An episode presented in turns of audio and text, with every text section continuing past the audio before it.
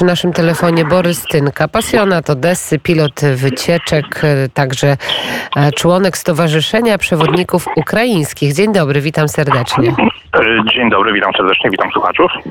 No to powiedzmy, jak ostatnie dni w Odessie, bo dochodzą nas różne informacje.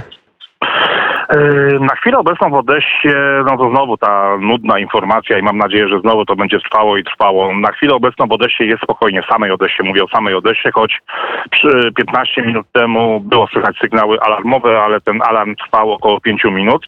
No niestety nie jest spokojnie w samym obwodzie odeskim. Wczoraj około godziny 14 czasu yy, ukraińskiego yy, trzy rakiety były wystrzelone w kierunku mostu, który znajduje się nad Limanem Dniestrowskim. Ten, kto podróżował kiedykolwiek, może wakacje od odwiedził taką słynną, bardzo znaną nie tylko na terenie Ukrainy miejscowość Zatoka, może zna, zna most, który dzieli, właśnie łączy e, miejscowości Karolino Bugas i Zatokę. Most jest e, przerzucony przez Liman Dniestrowski, czyli ujście Dniestru do Morza e, Czarnego. Bardzo charakterystyczny most, to jest most kolejowo-samochodowy, bardzo popularny zresztą, szczególnie powiedzmy w okresie wakacyjnym. No cóż, jedna z rakiet trafiła wczoraj w most, jedna miała trafić gdzieś w pobliżu, nie ma dokładnych informacji gdzie. Trzecia z rakiet spadła do Morza Czarnego. Ta, która trafiła w most, no dokonała pewnych uszkodzeń. Most został chwilowo zamknięty. Później w godzinach wieczornych on został y, uruchomiony. Na szczęście jest druga alternatywna droga, to jest droga E87, która biegnie w pobliżu przejścia granicznego Ukraina, ukraińsko-mołdawskiego z Palance, więc to nie jest tak, że Odessa całkowicie została odcięta od tamtej y, strony. No jest też informacja już z dnia dzisiejszego, że o godzinie 6 rano był, y, były kolejne próby zniszczenia tego mostu i też jest informacja, że jednak ten most został zniszczony. Ale czy on został całkowicie zniszczony, tego nie jestem w stanie potwierdzić. Nie ma oczywiście zdjęć, zresztą tych zdjęć w ogóle nie wolno y, publikować. Na razie tylko jest informacja, że most został uszkodzony, ale w jakim zakresie, no to jeszcze tego niestety, takie informacje jeszcze niestety nie ma. Czy ten most jest bardzo ważny? Czy ten most jest strategicznym miejscem, jeżeli chodzi o Odessę? Jeżeli chodzi o obwód Odeski i Odessę. Myślę, że tak. Myślę, że to jest bardzo ważny y, most ze względu na to, że w zasadzie są tylko dwie drogi prowadzące choćby z Białgoradu Dniestrowskiego y, w kierunku Odessy. To jest ta właśnie jedna droga prowadząca przez miejscowość y, Zatoka. I w ogóle to jest most łączący, droga łącząca Odessę zresztą ukraińskiej Besarabii, więc myślę, że to jest bardzo ważny odcinek drogi. No i drugi odcinek, ten alternatywny, który jeszcze mimo wszystko mam nadzieję będzie funkcjonować, to ta droga właśnie, y, która biegnie od Odessy przez miejscowość Majaki i w okolicy właśnie przejścia granicznego mołdawsko-ukraińskiego Palanka. E, a jak wyglądają, a jak wyglądają zniszczenia związane z drogą e, kolejową właśnie, z tą kolejową infrastrukturą? To znaczy, y, wczoraj nie mam informacji, czy zostały przywrócone połączenia kolejowe przez ten most, bo to jest most kolejowo-samochodowy, tak wspominałem i pani redaktor teraz wspomniała. Nie mam też informacji dotyczącej tego, jak ten most został w dniu dzisiejszym y, zniszczony. Nie ma po prostu tych informacji. To jest na razie taka ogólna wiadomość, informacja, że most został uszkodzony, ale w jakim zakresie ciężko powiedzieć. No jeżeli został uszkodzony, to nie sądzę, żeby y, przez ten most pociągi mogły y, kursować. Ja jeszcze tak dodam przy okazji, y, mówiąc o tej drodze 87, która biegnie y, przez w okolicy przejścia granicznego Palanka, że w przypadku niesienia pomocy humanitarnej z Polski dla nas osobiście jest to bardzo ważna droga, bo to jeżeli będzie zniszczona jeszcze ta droga dodatkowo, no to my jesteśmy w tym momencie odcięci już od pomocy humanitarnej, którą odbieramy z Orłowki, więc no tutaj już trzeba będzie pomyśleć o jakiejś alternatywnej drodze, no i zapewne prosić, apelować do kierowców, aby jednak mimo wszystko zdecydowali się jechać przez terytorium Ukrainy. E, czyli, mm, czyli to są takie strategiczne miejsca z punktu widzenia Rosji, jeżeli chodzi właśnie o pomoc humanitarną i o dostarczanie e, potrzebnych artykułów. Myślę, że tak. Y, ja tutaj też nie chcę też wypowiadać się, pani redaktor, y, na sprawy takie związane typowo z wojskowością, no bo tutaj ani nie jestem specjalistą, więc nie ma sensu, abym tutaj wymyślał swoje jakieś teorie. Y, no mówi się o tym moście bardzo często, więc, więc na pewno jest on bardzo ważny. No przede wszystkim wiemy, że tutaj chodzi o odcięcie od tej strony Naddnieszcza, od Mołdawii, więc no na pewno, na pewno są to bardzo ważne, ważne drogi. No miejmy nadzieję, że ta druga alternatywna droga jednak mimo wszystko nie pozostanie, pozostanie niezniszczona. A jak wygląda sytuacja w porcie? Bo wiemy, że Polska i Ukraina podpisały takie memorandum na dostarczanie zbóż, na dostarczanie różnego rodzaju produktów do Polski właśnie drogą kolejową, y, a to związane z tym, że jednak y, porty i ruch na Czarnym Morzu stoi, no i nic nie zapowiada raczej tego, żeby coś się mogło tam zmienić.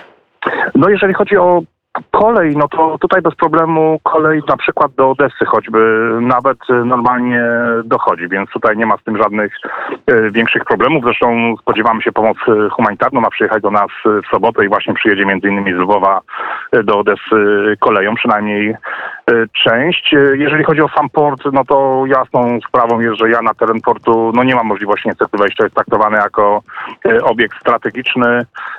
No tym bardziej ja jestem cudzoziemcem, więc tym bardziej mnie nie wolno, podejrzewam, żebym nie uzyskał zezwolenia na zwiedzanie takiego portu, więc jedynie co to ja mogę zobaczyć ewentualnie z parku imienia Tarasa Szewczenki. Z parku się naprawdę taki wspaniały widok e, rozpościera, gdzie można ten port zobaczyć. Jak pracuje ten port, oczywiście teraz zupełnie inaczej pracuje niż w normalne dni, no bo te statki nie przypływają. Coś tam się dzieje, ale na pewno to nie jest taki ruch, jaki był wcześniej. To, to na pewno jest prawda i tak na pewno jest. A jak wygląda to codzienne życie? Jak wygląda ta codzienność wojenna? Y, troszeczkę ludzi jest, mam wrażenie, jednak mimo wszystko mniej. Ja wczoraj y, mówiłem, że jest, mam takie wrażenie, iż tych ludzi faktycznie przed Paschą, przed wielkanocnymi e, świętami prawosławnymi troszeczkę przyjechało więcej.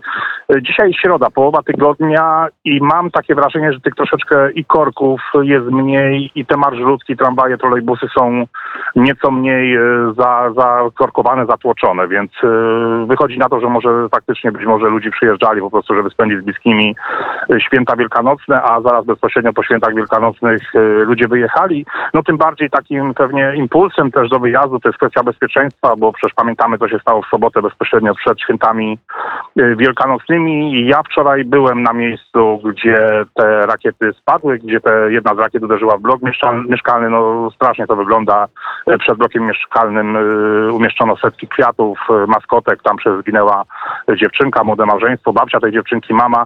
Pojechałem również na cmentarz, bo chciałem na własne oczy zobaczyć to barbarzyństwo tych żołnierzy rosyjskich. Byłem na cmentarzu na obrzeżu e, Odessy zobaczyłem na własne oczy, że żołnierze Federacji Rosyjskiej boją się nawet martwych. Dosłownie e, dziura, e, która została zrobiona przez rakietę rosyjską, normalnie rozwaliła kawałek cmentarza. No to jest niesamowite, włamane płyty, świeże kwiaty, które tam leżały, bo ludzie pewnie przed świętami wielkanocnymi przyszli odwiedzić bliskich. To jest zwyczaj taki jak, podobny do zwyczaju, jaki jest w Polsce. No strasznie, strasznie to wyglądało i, i no barbarzyństwo ich naprawdę nie. To na pewno smutne obrazy i na pewno mm, pozostające bardzo e, mocno w e, głowie. A co politycznie jest komentowane, bo wojna, wiemy, to jest bardzo ważny element, Państwo rozmawiają o tym, ale jeżeli chodzi o mm, takie y, międzynarodowe działania, czy właśnie związane z polityką międzynarodową Ukrainy, to co teraz jest najważniejszym tematem? O czym Państwo y, rozmawiają? Co tak polaryzuje? Mhm. Y, przepraszam nie dałem pani, pani dokończyć. E, no, rozmawiamy cały czas na temat oczywiście dostaw broni z krajów e, Europy Zachodniej, nie tylko Europy Zachodniej, ale również z Kanady, Stanów Zjednoczonych.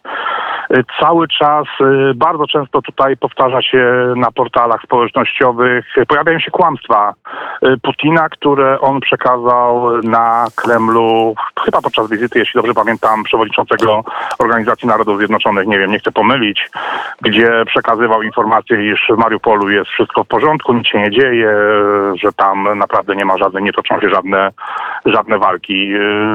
Z tego co wiem, to też podczas rozmowy z Organizacji Narodów Zjednoczonych Putin, prezydent Rosji, twierdził, iż e, to nie żołnierze rosyjscy są winni masakrze, masakrze Buczy. No więc no, te kłamstwa są naprawdę szeroko e, komentowane.